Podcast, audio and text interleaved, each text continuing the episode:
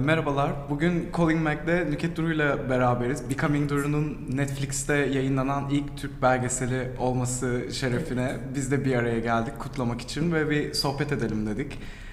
E, filmden e, filmin çekilmeye başladığı aşamalarda Hı hı. biz de anılar videosu için bir araya gelmiştik ve Doğru. o dönemden itibaren e, çok dışarıdan da olsa ben de süreci takip edebildim ve Netflix hadisesine de inanılmaz derecede e, sevindim ve gerçekten de o belgeselin hak ettiği yeri bulduğunu görmüş olduk hep beraber. Teşekkürler canım benim. Ee, Yani e, bu söylediklerin e, çok doğru.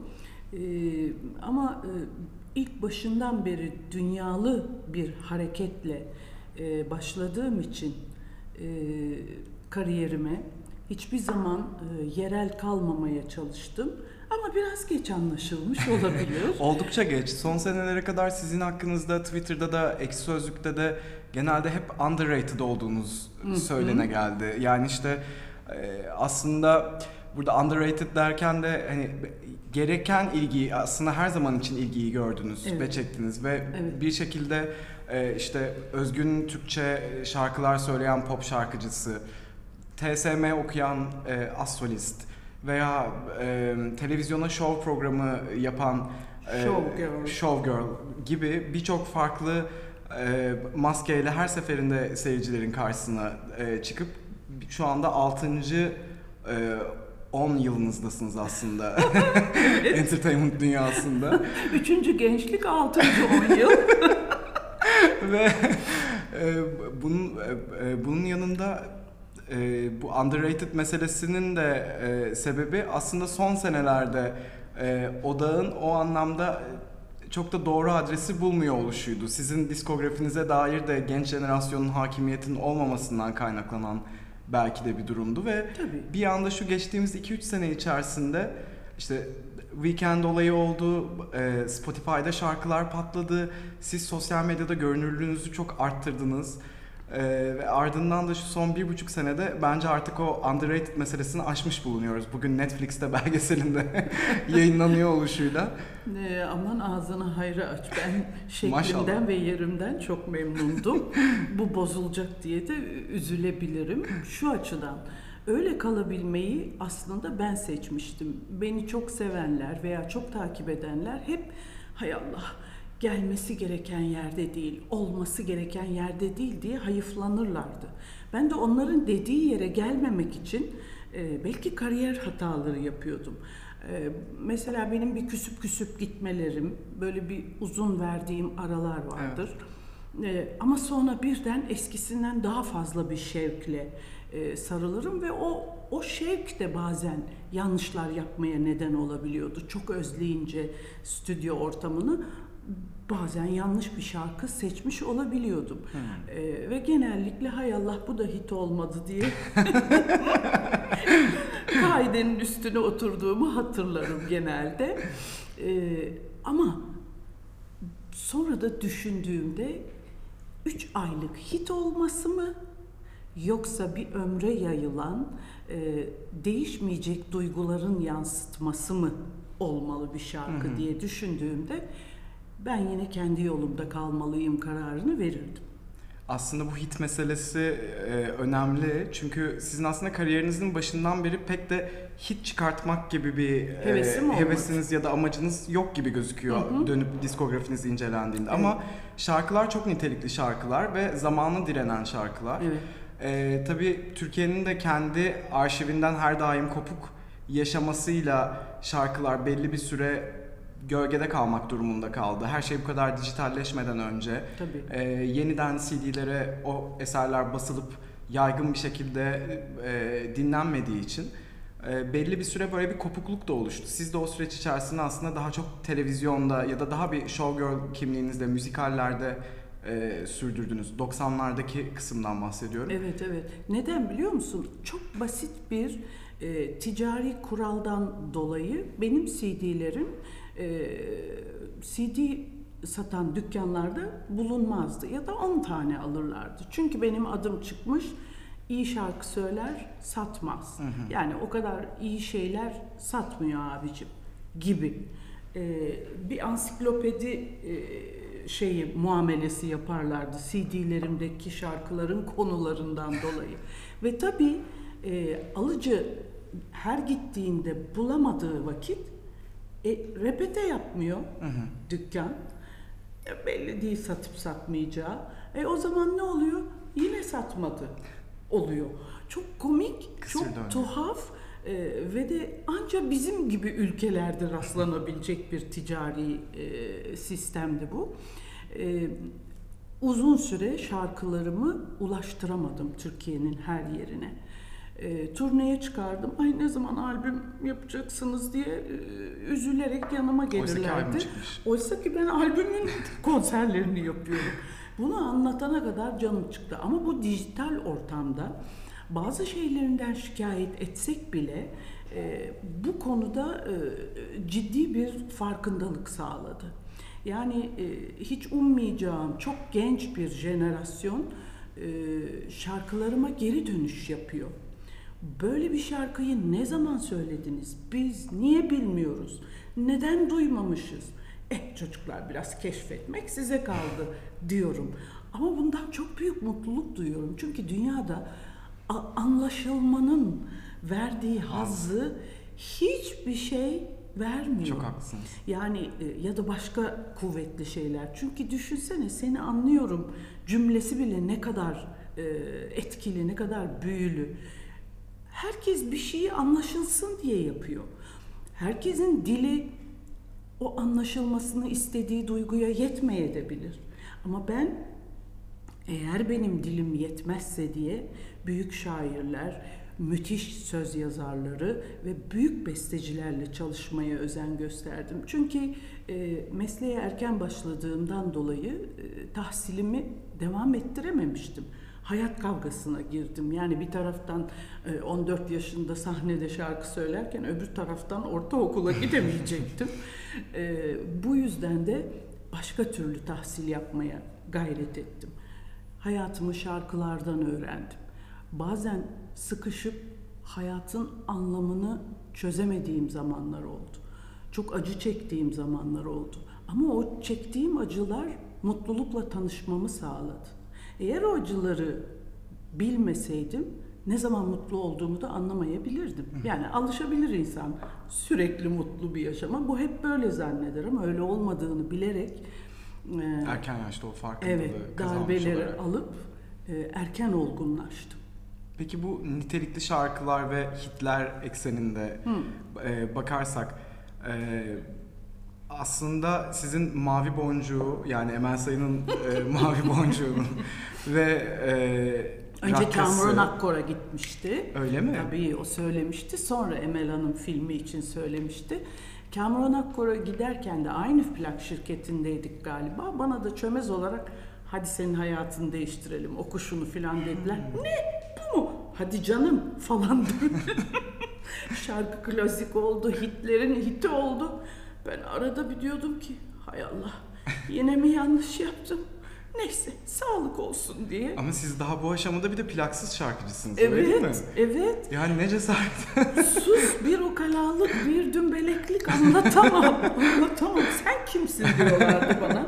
Yani e, tabii çok haklısınız efendim. Ben kimse değilim. Ama anlatmak istediklerim de bunlar değil. E, demek ki e, o farkındalık şöyle oluşmuş. Ne istediğimi bilemiyorum, adını koyamıyorum. Ama duyana kadar, duyduğum zaman koymuştum adını. Ama ne istemediğimi çok iyi bilerek başladım. Ben böyle şeyler yapmak için şarkıcı olmadım. Ben kalıcı şeyler yapmak için şarkıcı oldum. Çünkü benim e, küçükken dinlediğim müthiş şarkıcılar vardı. Bir tane kör topal bir pikabım vardı. O pikaba e, doyamazdım plak almaya. Hatta bazılarını çalardım arkadaşlarımdan tabii. Onu iyice dinleyip dinleyip dinleyip doyunca geri götürürdüm. Ama benim dinlediğim şarkıcılar Shirley Bassey'ler, işte Liza Minnelli'ler, işte e, Barbara, işte müthiş gruplar, Pink Floyd, Carpenters, ne bileyim yani e, benim yaptığım işi yapanların dinlediği müziği dinlemiyordum. Daha doğrusu. e, Rolling Stones'un bir plağı için ruhumu teslim edebilirdim. Yani alayım da dinleyeyim. Ne anlayacağım acaba? Bilmiyorum ama lejander olduğunu gördüğüm için anlamam gerek diyordum. Bu yüzden e, öyle basit şeyleri e, burun kıvırmam kolay oluyordu. Sonra Tanju Okan'ın sesinden o şarkıyı Kadın. dinledim. Ha işte bunun ben versiyonu Evet. gerekiyor bana. Ben böyle söylemek istiyorum. Neymiş bunun adı? Şanson. Tamam. Demek ki biz şanson söyleyeceğiz Nünücüm dedim kendi kendime. Ve o noktadan itibaren de işte cambazlar, Evet. e, kulis, gözler bu gibi o şanson şarkılar e, Evet. takip etti. Güneş gibi, harp ve sulh gibi.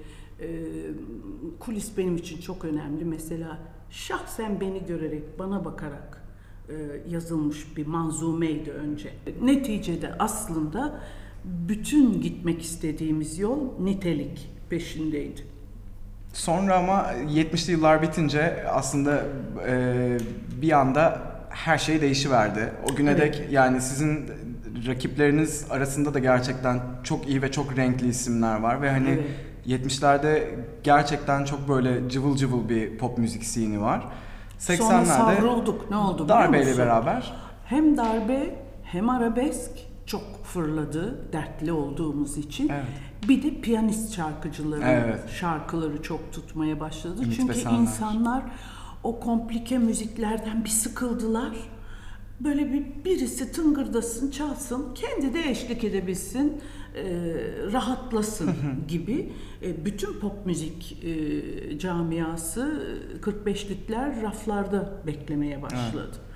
O sırada e, 80 ben de Paris'e gidip geliyordum. E, İşte orada e, bir takım e, çalışmalarım olmuştu. Hem televizyon e, çıkmıştım. E, Orada işte bir albüm yapılması gerekiyordu. E, Teklif ettiler fakat öyle bir bağlayıcı bir e, şeydi ki mukaveleydi ki biz alışmamışız Türkiye'de el sıkışıp yürürdük. Ee, o, o, o imzaları ve o bana 7 yıl koydukları yasakları filan görünce e, 24 yaşındayım. Ay saçmalamayın ben zaten ülkemde starım ne neymiş bu yani dedim. Ee, tabii ki salaklık ettim. Ondan sonra e, döndüm geldim. hangi şirketti? E, RSA Marwaniler'de. Okay. Ondan sonra e, geldim baktım az solist yok. Emel Sayın evlenmiş, Bülent Ersoy'a yasak gelmiş, Zeki Müren sahneye çıkmıyor.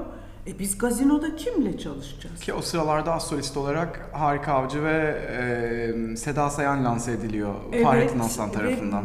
Yani bunlarla çalışmak istemedim tabii yani sıkı az solist. O dönem zaten istiyorum. s- bu sistemi çok fazla e, sanatçı eleştirmiş. E, Evet. Her biri e, beyanatlar veriyorlar gazetelere. Astrolist kurumunun bu şekilde zarar görmemesi gerekir Evet, ama gibisinden. e, ortada da yoktular. E, bana teklif geldi. Dediler ki sen Türk sanat müziği biliyorsun, çalıştın, e, biraz daha çalışırsın, senden iyi solist olur kızım dediler. Tamam, okey dedim. Çünkü neticede ben de Türk sanat müziğinin o şekilde icra edilmesi yerine artık çok sesli hale gelmesi, gelebilecek makamların üstünde oynanmasına inanıyordum. Ee, Erol Evgin'le böyle bir e, konuda antant kaldık. Dedi ki Nüket, erkek olarak ben çok sesli Türk müzik deneyeyim, sen de e, kadın olarak dene. E, hatta bazen gücümüzü birleştirir, gazinoyu ayakta tutarız dedi. Ve biz bunu böyle sürdürdük. Hem televizyonda hem benim işte Sevda, e, çok sesli Türk müziği kıvamında Bu bir çok sesli albüm. Türk müziği de mi o dönem bir furya? E, Yani Hayır o dönem bir furya değil. Ajda Bizden sonra. Eurovision'dan sonraki geri dönüş çabası da aslında yani Superstar 83'ten bir önceki albümü olması gerek. Sen Mutlu Ol. O da yine bu çok sesli Türk müziği formunda yani Evet ama olmadı. Benimsenmedi.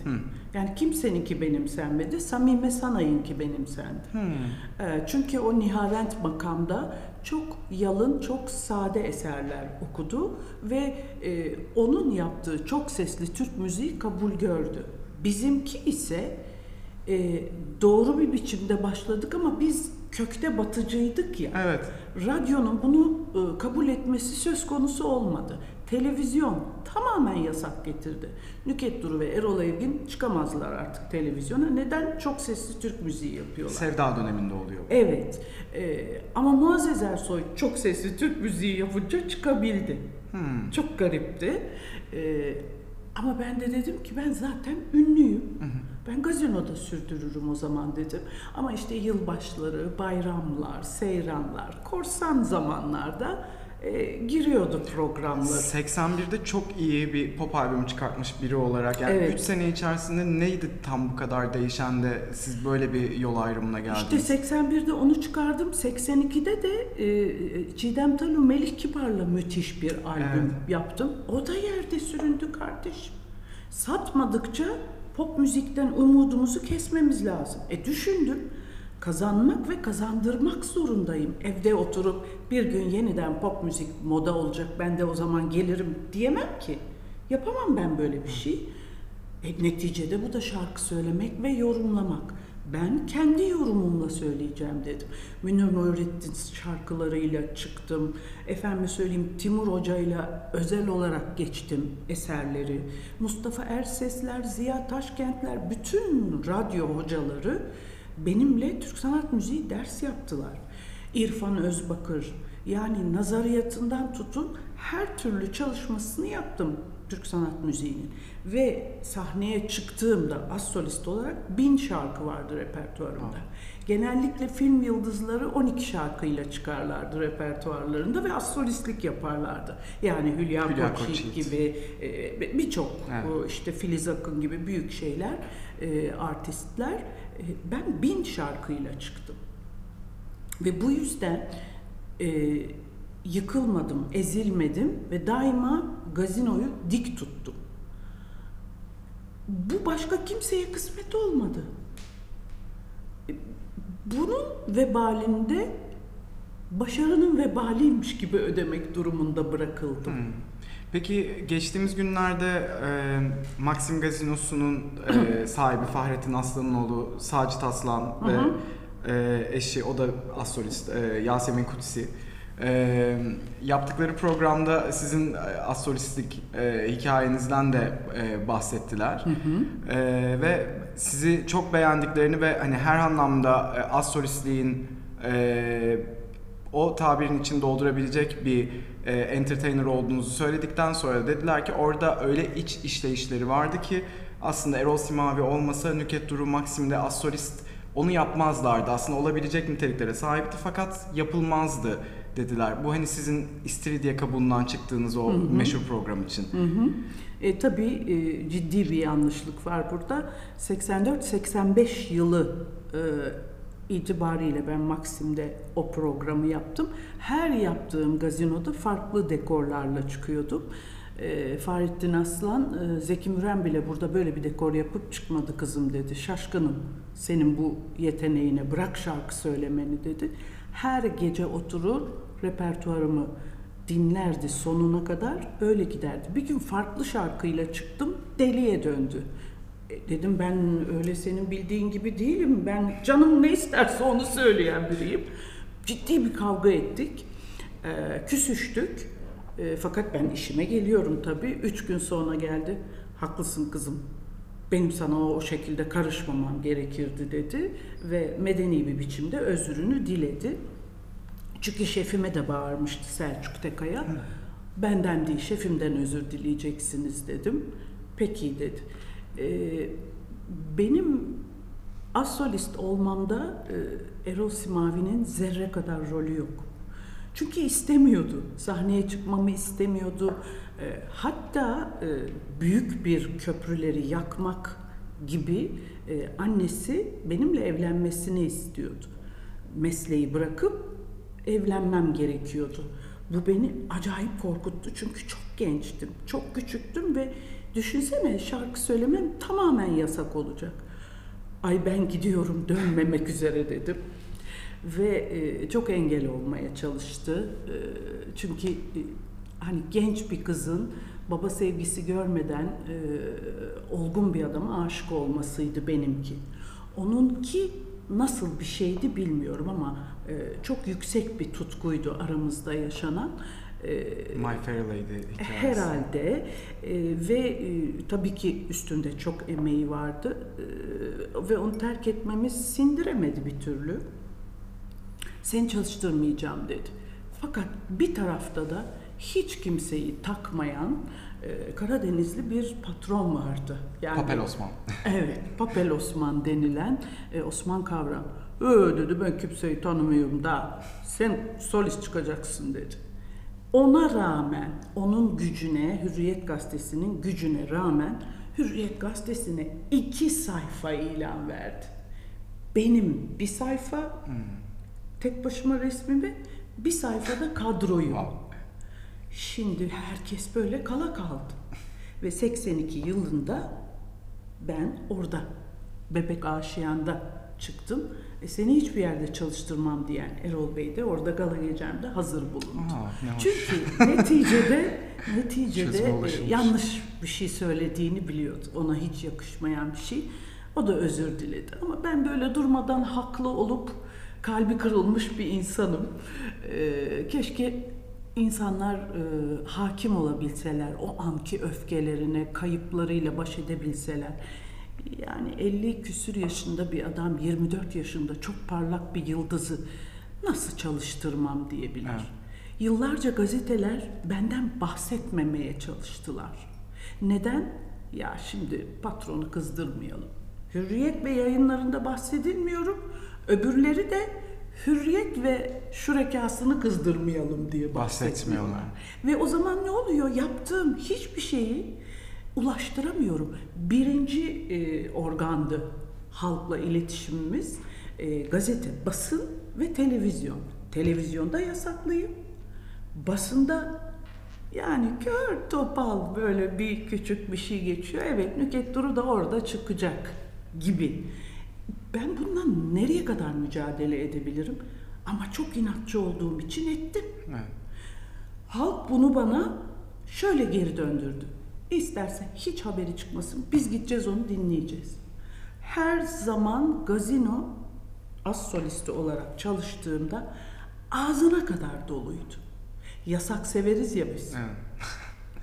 Ağzına kadar doluydu ve bir gün dedim ki ama artık istediğim müziği yapamıyorum. Tam Alaturka'ya döndüm. E doluyor diyorlar ki şunu da söyle, bunu da söyle. E nereye kadar? Baktım ben saptım. Sapmışım istediğim müzikten. E, geri dönüyorum dedim. geri dönüyorum. Çekalatı gönlümü yaptık. Evet. Garo'yla. Güzel bir albüm oldu ama o da yerde süründü. Neden dersen yine hazır değildiler öyle şarkılara. Ee, Daha sonra çok beğenildi albüm. Genellikle benim ilk çıktığı sene beğenilmez. İkinci sene, üçüncü sene yerine Sonradan yavaşlıyor. Peki Çok komik bir kariyerim yani var aslında ya. o dönemde başınıza gelen şey de hani şu- Pişmiş tabağa geldi ancak. yani show dünyasında öyle köşe başlarını tutan erkeklerin e, çok sık bir şekilde uyguladığı bir politika, bir şiddet. evet, evet, evet. Ee, Ben ve hep ayrık otu, hep ters olan, hep hayır diyen, ben canımın Oysa ki istediğini size yaparım bahsettiğim diyen aynı biriydim. yayında yani Sacit Aslan'ın bahsettiği yayında e, sizin astrolist olmanızı Erol Simavi sağladı dediği O yanlış iddianın gündeme geldiği yayında. e, Erol Simavi'nin sizden önce Sezen Aksu ile sevgili olduğunu da e, belirtiyorlar. Ben bunu ilk defa duydum e, Yok, o e, yayında. yanılmışlar. Sezen de bunu duyarsa çok üzülür. E, bu bir yanılgı. Çünkü Erol Bey çapkın bir adam olduğu için zaten kime merhaba dese herhalde onunla diyorlardı. Zerrin Özer'le de bir dedikodusu çıkmış. evet, e, yani tabii ki başında beklemedim, Ama sizi bilmiyorum. hep gölge gibi takip eden bir bilgi ya bu. Yani hani diğerleri şaşırtıcı geliyor şimdi düşünüldüğünde ama Ay hayatım bu memlekette bir Allah'ın kulu tarihe düşkün değilken 40 yıl önce yaşadığım aşkın detaylarıyla neden ilgileniyorlar? Ben bir anlamadım kime yarayacak bu bilgi? E isterse herkese flört etsin adam gitmiş. Hortlatacaklar mı ya? Adamcağız gitmiş. Ben adama aşık oldum. Başkalarının ilişkilerini bilemem. Çünkü adam aşık olunacak kadar bir film kahramanı kadar karizmatik ve de bir kadına nasıl davranacağını, hele gencecik bir kıza kendini müthiş hissettirebilmeyi çok iyi biliyordu. Ben tabii o, o leblebi çekirdektim onun için. Tabii ki zırıl zırıl aşık oldum. Gözümü alamıyordum adamdan. Yani mesela orada kıyamet kopuyor. Ben sadece adama bakıyordum. Böyle bir durumdu. Bunun Bir de o için- dönemde Türkiye'yi gerçekten parmağında oynatan bir Ormanda isim. oynatıyor, hükümet değiştiriyor, harp başlatıyor, harp durduruyor. Bu kadar da güçlü olunca fakat ben bir türlü anlamıyordum evde onu. Ee, Hani gi- gidiyorum, ay çok şirin bir insan nasıl yalan söylüyorlar diyordum ben kendi kendime. Biraz saftirik taraflarım vardır, hala devam ediyor. Ama bu aşk için kimseden özür dilemedim. Çünkü bana çok şey kattı. Fransızca öğrenmemi sağladı, bir sürü okula gitmemi sağladı. Kendini iyi hissetmelisin, şu kitapları oku, başka hangi hocayı çağırayım sana, o sana bir şeyler katsın. Ee, korkma sö- söz yazmaya dedi ve o zaman söz yazdım. Seninle. Evet seninle yazdım. Ee, Ben bir kadınım yazdım. Sanki değişmiş gibi yazdım. Bir sürü bir sürü bir şeyler yazdım. Ee, okuyordu. Burada eksik yok. Ya cümle düşükse diyordum ben. Hayır yok öyle bir şey diyordu. Hep beni yüreklendirdi. Ne zaman ki terk etmeye karar verdim o zaman biraz kızdı tabii. O bir ömür öyle sürsün istiyordu demek ama olmuyor. Ben de Olmuyor. özellikle bir yerden e, bağlamak istedim bu konuyu çünkü bize de beraber yaptığımız videodan sonra çok yani o videoda zaten tamamen sizin kariyerinizden bahsedildiğini hatırlatarak e, söylüyorum. Hani hiçbir e, eşinizden, flörtünüzden, şuyunuzdan, buyunuzdan bahsedilmezken özellikle bu soru devamlı devamlı gelince ya da yorumlarda da e, bunu görünce bir şekilde girip sormak da istedim. Çünkü İşte diyorum büyülü sana. bir isim o da herhalde orada. Cazip cazip. Evet. Kariyer kimin umurunda? Şarkı kimin umurunda? Dedikodu nerede? Sen ona bak. Millet bunu istiyor ama gerçekler benim anlattığım gibi. Ee, tamam çok güzel bir aşktı. Merak edenlere duyurulur. Bir menfaat ilişkisi değildi. Hatta e, ona aşık olduğumu birkaç ablama söylemiştim. Bunun bir tanesi Nevin Pere'ydi. Ee, o da operacı ve müthiş bir şarkıcıydı. Ay çok aşk, kızım kafanı kullan dedi bana. Aşık olunca niye kafa kullanılıyor? Yani anlayamadım. Dedim, kafanı kullan, biraz otur düşün dedi. Kimle birliktesin?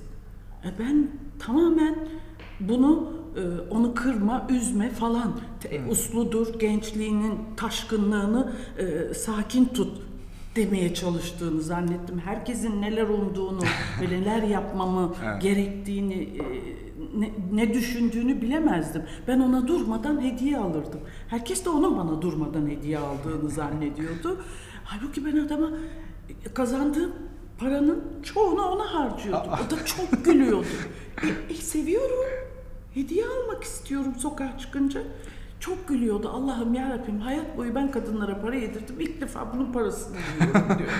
Böyle bir şey yaşadım. Oh iyi ki yaşadım. dedik.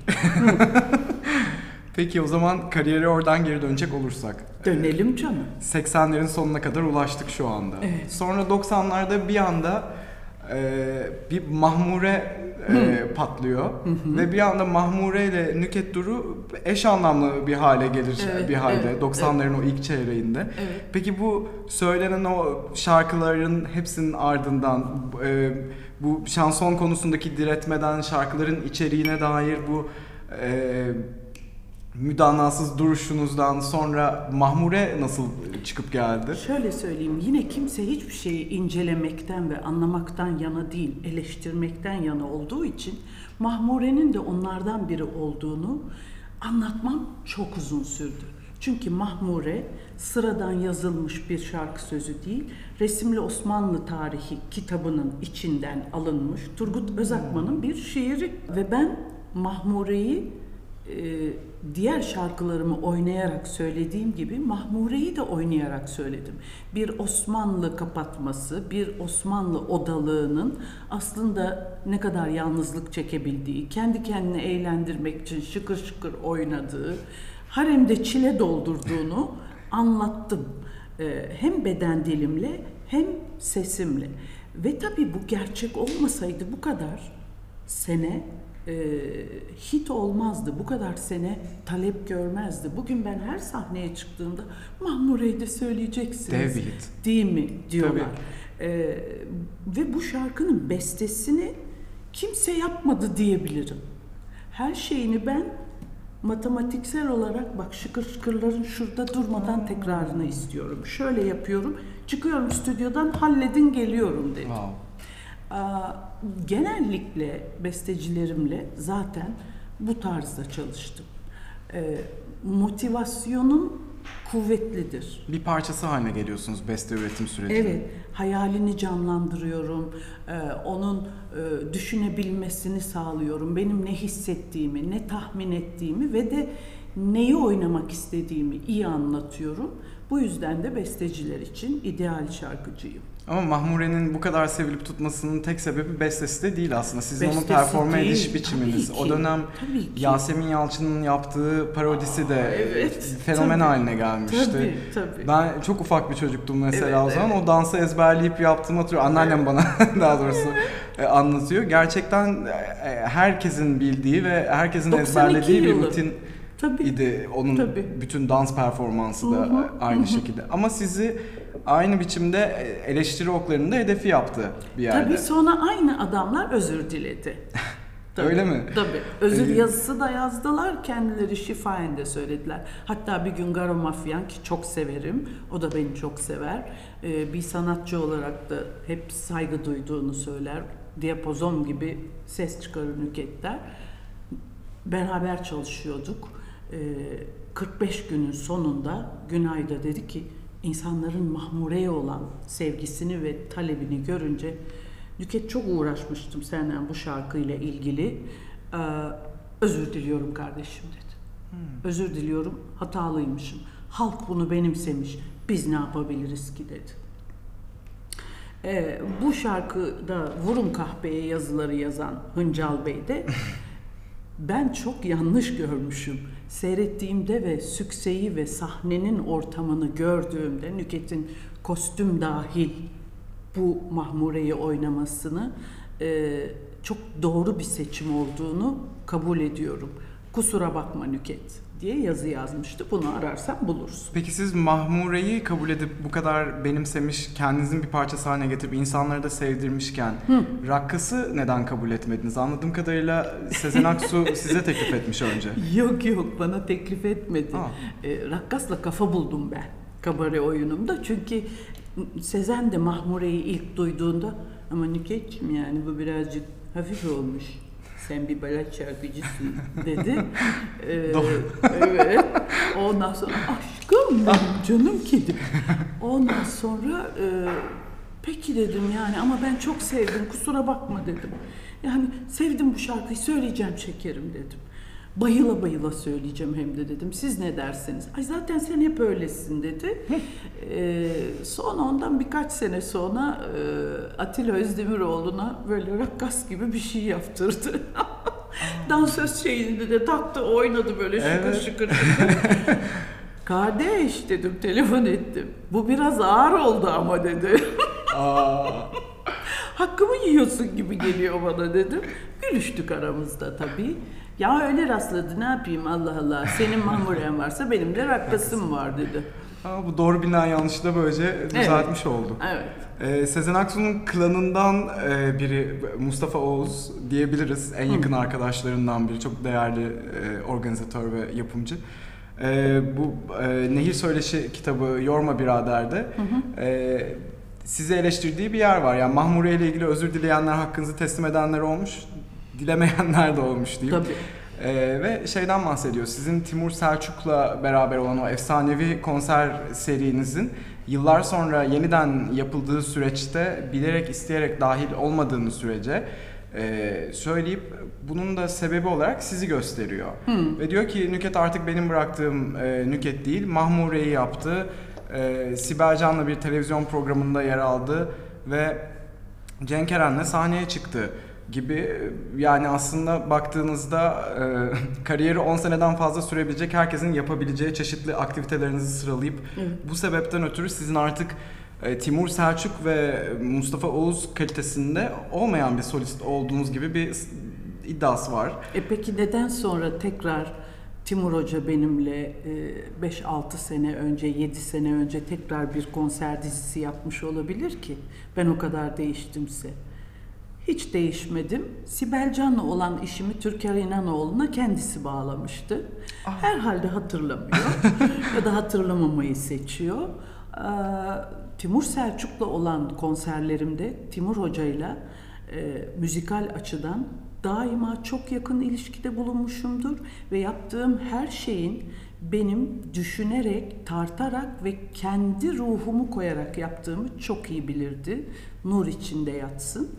Ee, hatta Türk sanat müziği eserlerinin benim söyleme tarzımda çok doğru gideceğini, kolay kolay babasının şarkılarını kimseye söyletmediği halde beni kör kuyularda merdivensiz bıraktın, Endülüs Deraks, 13 sayfa notası vardır Endülüs Deraks'ın. Efendime söyleyeyim Kalamış, yani şey Segah eser, hmm. Dönülmez akşamın ufkundayız. Ama orayı şey yaparız. Ee, bütün bu eserleri seslendirdiğimiz gibi e, Timur Hoca'nın benim kalitemin veya şarkıcılığımı değiştir değiştiğine dair en ufak bir duygusu olmadı. Mustafa Oğuz'un e, dediğine gelecek olursak çok eski bir arkadaşlığımız var. Ama herhalde bu kitabı yazarken zaten çok yorgun doğmuş bir arkadaşımızdır. O yüzden yorma, yorma birader. birader demiş. Kendi hep hayatta yorgun bir e, model çizerdi ve buna gülerdik biz. e, hayatında bana hiç el uzatmadığı ve hiçbir şey faydalı hiçbir şey yapmadığını fark etmiş olduğu için böyle bir şey yazdığını düşünüyorum. Eğer öyle düşünüyorduysa, eğer benim çok yakın arkadaşım idiyse neden acaba Nüket baştan konuşalım mı? Bir şeyler yapmamız lazım. Sen doğru gitmiyorsun demesi gerekmez Tabii. miydi? Tam tersine boşanır boşanmaz ben eski eşimle ortak oldu. Hmm. Ve eski eşimi e, Bostancı Gösteri Merkezi'ne ortak etti. Hiç mesleği olmamasına rağmen. Daha değişik sanatçılarla çalışsın, Nüket'in terk etmişliğini unutsun, neşelensin diye. Sonra e, tabii büyük bir e, e, darbe yedi. Hmm. E, ve dedi ki niye beni uyarmadın? Bunda uyaracak ne var? Sordun mu?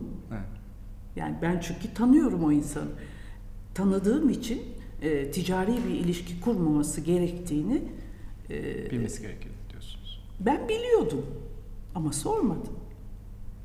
E geçmiş olsun Kitap da bir hali ilginç gerçekten ilgilenenler e, alıp mutlaka okusunlar ama ben okurken açıkçası biraz e, zorbalık söz konusu gibi geldi. Biraz bulilenmişsiniz gibi geldi e, evet. okuduğum diğer evet e, kişiler hakkındaki beyanlarıyla da e, mukayese edip baktığımda. Yani her her meseleyi ve her iş ilişkisini içki sofrasında çözen bir insanın e, zaten benim indimde artık e, çok fazla değeri yok.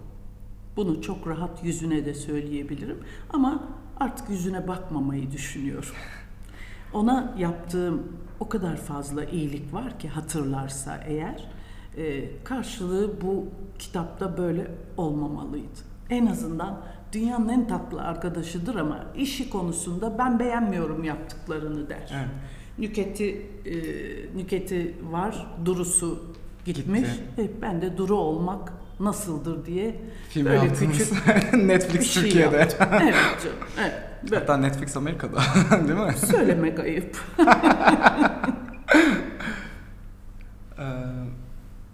Bir şey daha diyecektim ama. Bence geçirebildiğimiz Geçirelim kadar mi? geçirdik. Evet evet güzeldi.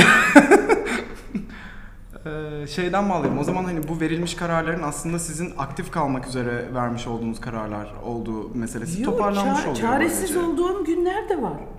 Onun için de verdiğim kararlar var. Bir saniye. O zaman şöyle yani aslında o zaman hani bu eleştirilerin ekseninde de aslında o zaman bu eleştiriler bağlamında da yine baktığımızda yine ortaya çıkan sonuç sizin aslında kariyerinizi aktif olarak sürdürmek için o sırada size en mantıklı gelen opsiyonları değerlendirip Elbette. bir yandan da kabiliyet açısından da farklı e, kategorilerde, farklı kulvarlarda işler yapabilecek biri olmanız sebebiyle Elbette hepsinin altından kalkıyor olmam belki de çok kızdırıyordu insanları. Bunu da düşünüyorum bazen.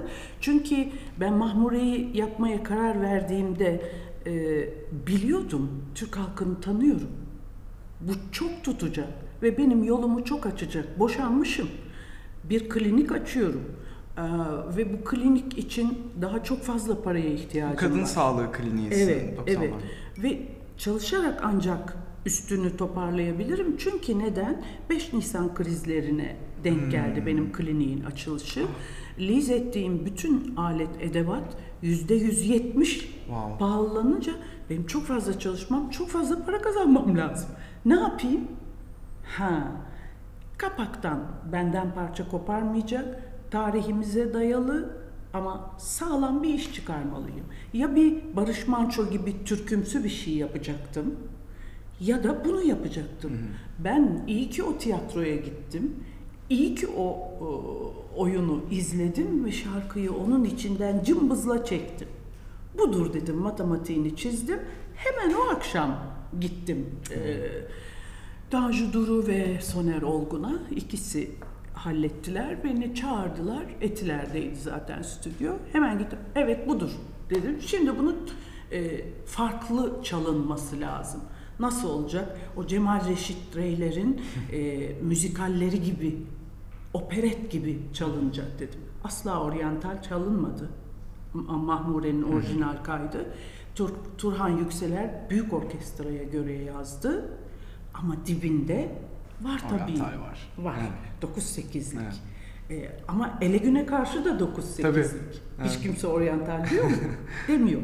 Bunun da ilk versiyonunda demiyorlardı. Sadece sahnedeki dansı Ama sizin de o dansınız zaten e, imzanız. var. var. Ne yapayım? Olmazsa olmazdı. Onun da yaslandığı yer bir zaman e, ayaklarımı hareket ettiremediğim, yürüyemediğim için o aslında benim şükür duam. Aa. Normal bir dans değil o. Öyle bir oryantal var mı? Yok. Çocukken hasta yatağınızdan kalktıktan sonra mı icat ettiniz? Evet tepinmeyi tabii kızılderililer gibi tepiniyorum. Hain yapıyorum. Hay Allah. Ben Sibel Can'ın oynama tarzını da her zaman bir tık benzetirim ve o az E, önce bahsettiğimiz yere de bir var ona. döngü yaparsak eğer Evet. aslında sizin İstiridye kabuğuyla sahneye çıktığınız o Maxim'deki program Sibel Can'ın da ilk dansözlüğe başladığı program Evet, ve evet, sanıyorum siz onu. keşfedip e, programı Evet, dahil evet, ediyorsunuz. evet. Çok güzeldi. Ee, çok tatlıydı. Henüz dans etmeyi bilmiyordu ama ona e, bir koreografi yaptım ve Selami Şahin'e onun dans etmesi için çok özel bir müzik bestelettim. Sayı sayı sayı burada buraya geleceksin. Ama o tarihten önce de geceleri işte hani mesela Galata'da birçok farklı mekanda sahneye çık. Ya 13 yaşından beri sanırım babasıyla Tabii ben bilmiyordum.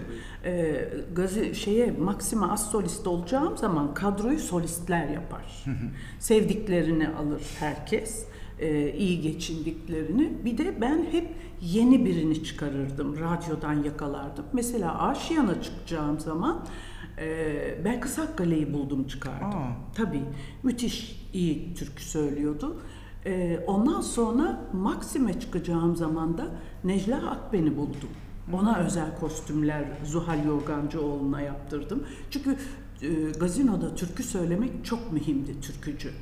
Ee, ama e, acayip tuvaletler giydiklerinde sinirime gidiyordu benim. Yani türkü söylüyorsan stilize bir şeyler giymelisin. Ve Zuhal Yorgancıoğlu çok güzel kostümler yapmıştı. Necla Akben de sonra milletvekili falan Evet. oldu. Ee, çok hoş taşımıştı o ko- kostümleri. Ee, ve Sibel Can'ı istedim. Ee, daha doğrusu güzel bir dansöz arıyorum. O zaman dansöz pek yoktu. Diğerleri de çok yaşlanmıştı. Ee, ben de istiyorum ki böyle bir Paris Lido gibi bir dans olsun, grup olsun falan. Hep hayallerim e, çok yüksekti. Sonra bir arkadaşım böyle sinirli bir şekilde Nişantaşı'nda yürüyordum. Nurhan diye bir arkadaşım vardır. Sonra artık Sibel'in manevi babası gibi oldu. Ee, Hala görüşüyorlar, görüşüyoruz biz de. Ee, ya dedim Nurhan gece gezerdi. Nurhan dedim ya çok cici bir kız arıyorum. Sulu Kule'ye mi gideyim? Ne yapayım? Böyle güzel oynayan. Böyle ama beyaz tenli falan böyle güzel olsun istiyorum. Ha, Türkan Şoray'ın filmlerindeki gibi. Kızım dedi tam aradığın kız var Astoria'da çalışıyor dedi. Şenay Düdey'in işlettiği Evet. kulüp. Koşarsın gidersin akşam orada Sibel'i izlersin. En güzel adıyla çıkıyordu. Evet. Sanırım ismi de en güzelmiş o Evet, zamanlar. evet. Ee, 15 yaşındaydı, 13 değil. Ama 13 yaşından itibaren Viyana'da, orada, burada babasıyla çıkıyormuş. Serbülent Sultan'ın da e, İsrail'deki kadrosunda vardı. Tabii, ben tabii, tabii. Sizden önce ona rastlamıştım. O gece izledim. Olay budur dedim. Sabah hemen Fahri Bey'e gittim. Fahri Bey kızı buldum dedim. Nereden buldun kardeşim dedi. Yok biz bakıyoruz dedi. Fahri Bey kızı buldum. O kızdan çok para kazanacaksın dedi. Deme yahu. Çağır bakayım o zaman dedi. Aradım Sibel'i. Tabii o gece telefonlarını falan almıştım. Anneni kap gel dedim. O gün Fahri Bey gördü Sibel'i. Tabii böyle böyle bir şey ama sen merak etme sahnede bana inan dedi. İnanıyorum dedi. Al bu parayı dedi bana. Ha git kızı giydir. Bir şekle sok dedi. Aa makeover. Hadi bakalım. Kızı giydirirsin, kızı süslersin, kızın saçlarını değiştirirsin, kızın resimlerini çektirirsin. Kıyamet koptu. Tabii ben ver- verdiriyorum pozları. Fotoğraf makinesinin tepesinde ben varım. Oradan değil, öbür tarafa bak diye. Buket abla bıktım artık istemiyorum diyor bu tamam. Gebertirim seni. Yıldız olacaksın diyorum. E, günlerce Maxim'in sahnesinde onun o koreografisini yaptık. Ve bir yıldız öyle doğdu. Ve tıpkı Aleyna Tilki gibi o da hemen sahneden indirilmiş ve polis Evet. tarafından maksimum mühürlenmişti. Evet, evet. İki gün çalışamadık ondan sonra devam ettik. Yaşını büyütmüşler ya o Evet, zaman. aynı benimle Türkiye'nin aynı kaderi. tuhaf prosedürleri. aynı insan valilikte e, büyüttü. Vay be. Gerçekten e, her adımı farklı farklı... e, Fahri Bey'in eli uzundu. Başkası olsa onu o kadar kolay büyütemezdi. Beni de e, iki gün göndermeyince gazinoya şey... Kardeşim size bir araba gönderiyoruz. Oradan valiliğe gidin dedi. Valilikte her şey hallolmuş. Hı demek düştü bana. Yeni nüfus kağıdımı aldım çıktım. Tabii onlar bayağı girift ilişkilere sahiplermiş. Sonra zaten e, beraber e, yargılanıyorlar biliyorsunuz. olsun, sağlık olsun. Ben yırttım ya. İyi ki de yırtmışsınız. Eee? Ee, Miyav nereden toparlayalım ya? toparla beni artık. tamam. Pekala o zaman size doyum olmaz Nünü. Şokocum sana da doyum olmaz. Bunları ancak e, senin gibi arşivci ve de yakın geçmişte ilgilenen biri anlar diye anlattım. Çok teşekkür ederim. Herkeste yapılacak e, bir röportaj değil. Bu çok güzel e, yönlendirilebilir, yoruma açık yerler konabilir. E, hayatım boyunca yanlış ifade edilmenin sıkıntılarını çektim. Çünkü eskiden e, gazete röportajlarında bütün kalbimle açardım, her şeyi söylerdim. Bambaşka bir şeyle karşılaşırdım. E, sonra röportaj yapmayacağım derdim ama yine araya insanlar girer. Yine e, yapmak zorunda kalırdık. Yine hüsran olurdu. E, ama seninle yaptığım ilk programda o kadar mutlu oldum ki her şeye çok dikkat etmiştin. Bu yüzden bunu da yaptım. Güzelleme de yaptım. Görüyorsun Çok teşekkür Şoko'ya. ederim. ben Sana sizi ekibine sabaha kadar dinlesem zaten doymam. Ay ben tabii La Fontaine'den masallar diyorum Öyle sana. gerçekten. Ee, Calling de bize e, platformunu açtı. Yakışıklı çekenler var, kaydedenler var. Mutlu mesut bir programın daha sonuna geldik. Öpüyorum seni. Ben de.